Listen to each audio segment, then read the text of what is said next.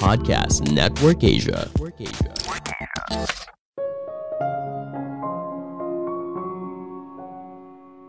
Mungkin alasan utama kamu gagal selama ini karena kamu tidak antusias.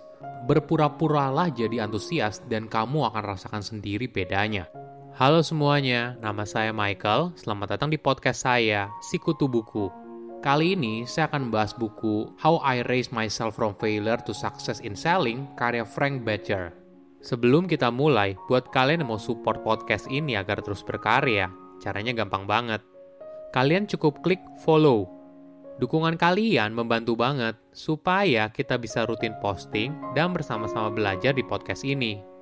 Buku ini membahas bagaimana cara menjadi tenaga penjual yang sukses. Pada umur 29 tahun, penulis merupakan tenaga penjual yang gagal. Tapi 11 tahun kemudian saat usianya 40 tahun, hidupnya 180 derajat berbeda. Penulis merupakan tenaga penjual paling sukses di Amerika Serikat. Apa rahasianya?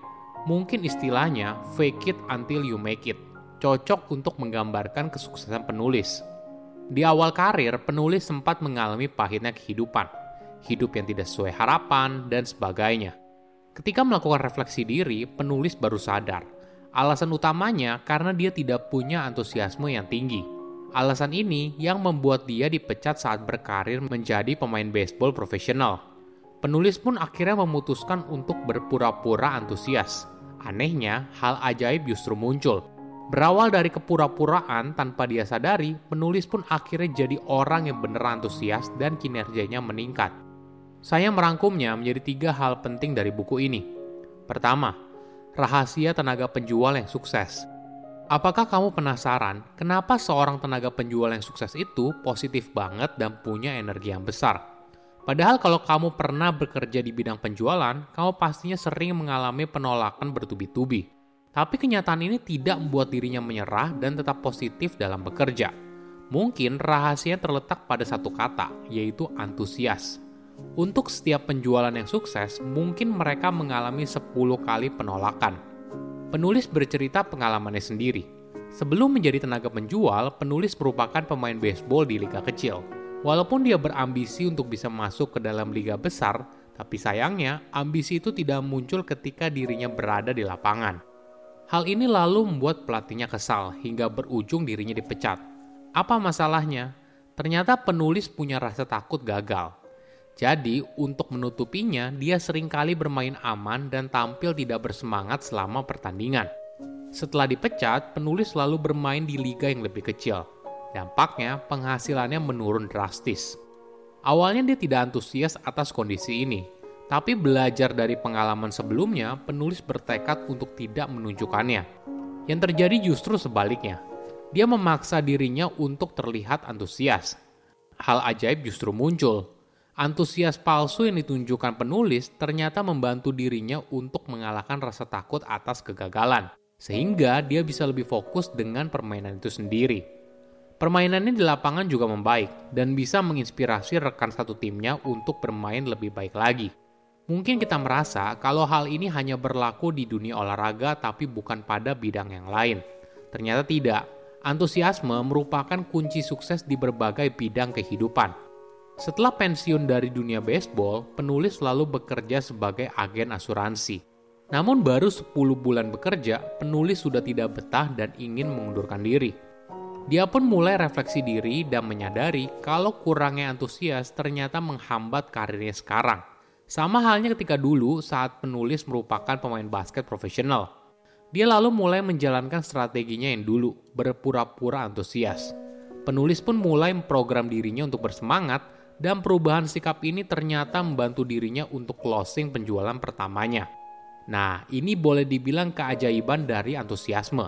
Walaupun awalnya kamu berpura-pura untuk antusias, kamu sedang program diri kamu untuk jadi antusias. Pada akhirnya, antusiasme yang tinggi membantu karirmu ke tingkat yang lebih tinggi.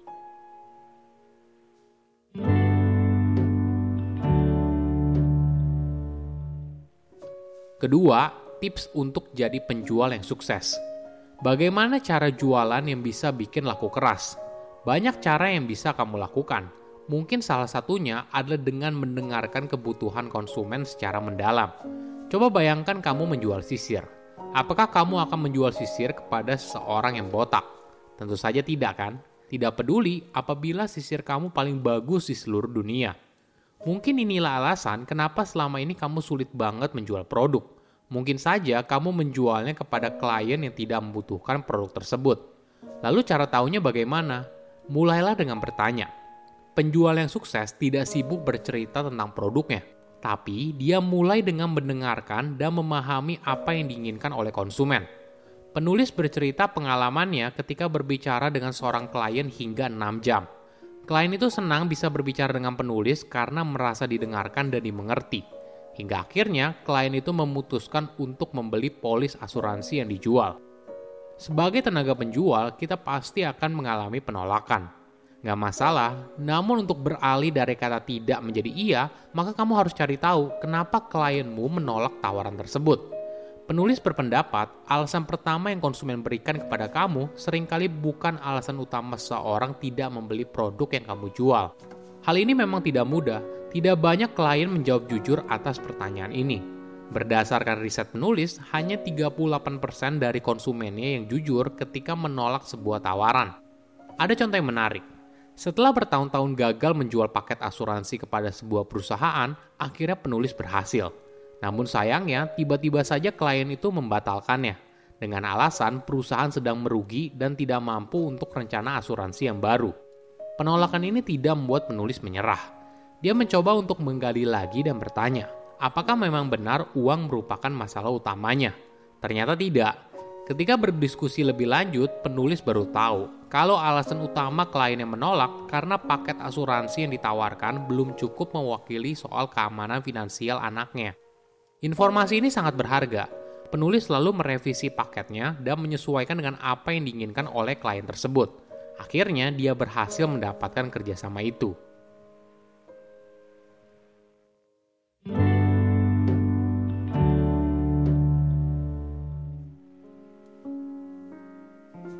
Ketiga, harga kepercayaan yang mahal.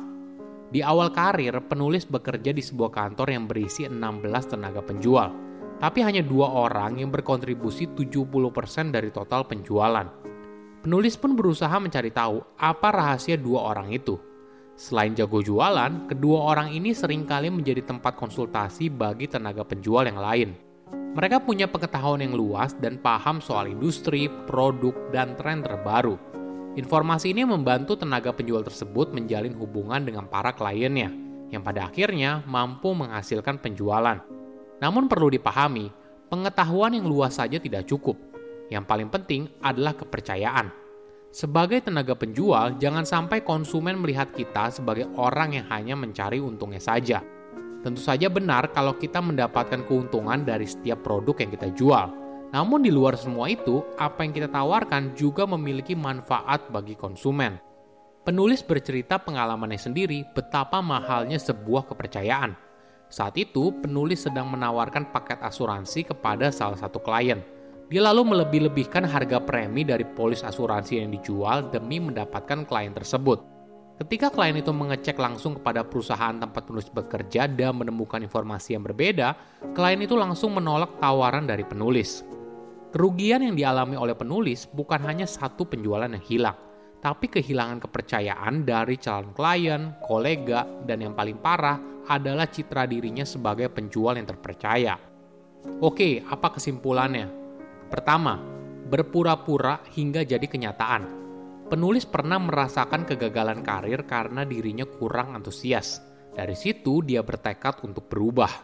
Awalnya dia pura-pura antusias, tapi tanpa disangka kepura-puraannya justru berbuah manis dan kinerjanya meningkat.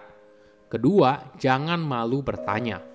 Tenaga penjual yang sukses bukanlah orang yang pandai bicara, tapi pandai bertanya. Keahlian ini akan membantu kamu mengetahui apa yang sebenarnya dicari oleh konsumen. Dari situ, barulah kamu bisa menawarkan produk yang cocok dan berakhir sukses. Ketiga, harga sebuah kepercayaan yang mahal. Tenaga penjual yang sukses bukan hanya orang yang jago jualan, tapi mereka dianggap oleh kliennya sebagai orang yang bisa dipercaya. Saya undur diri, jangan lupa follow podcast Sikutu Buku. Bye-bye.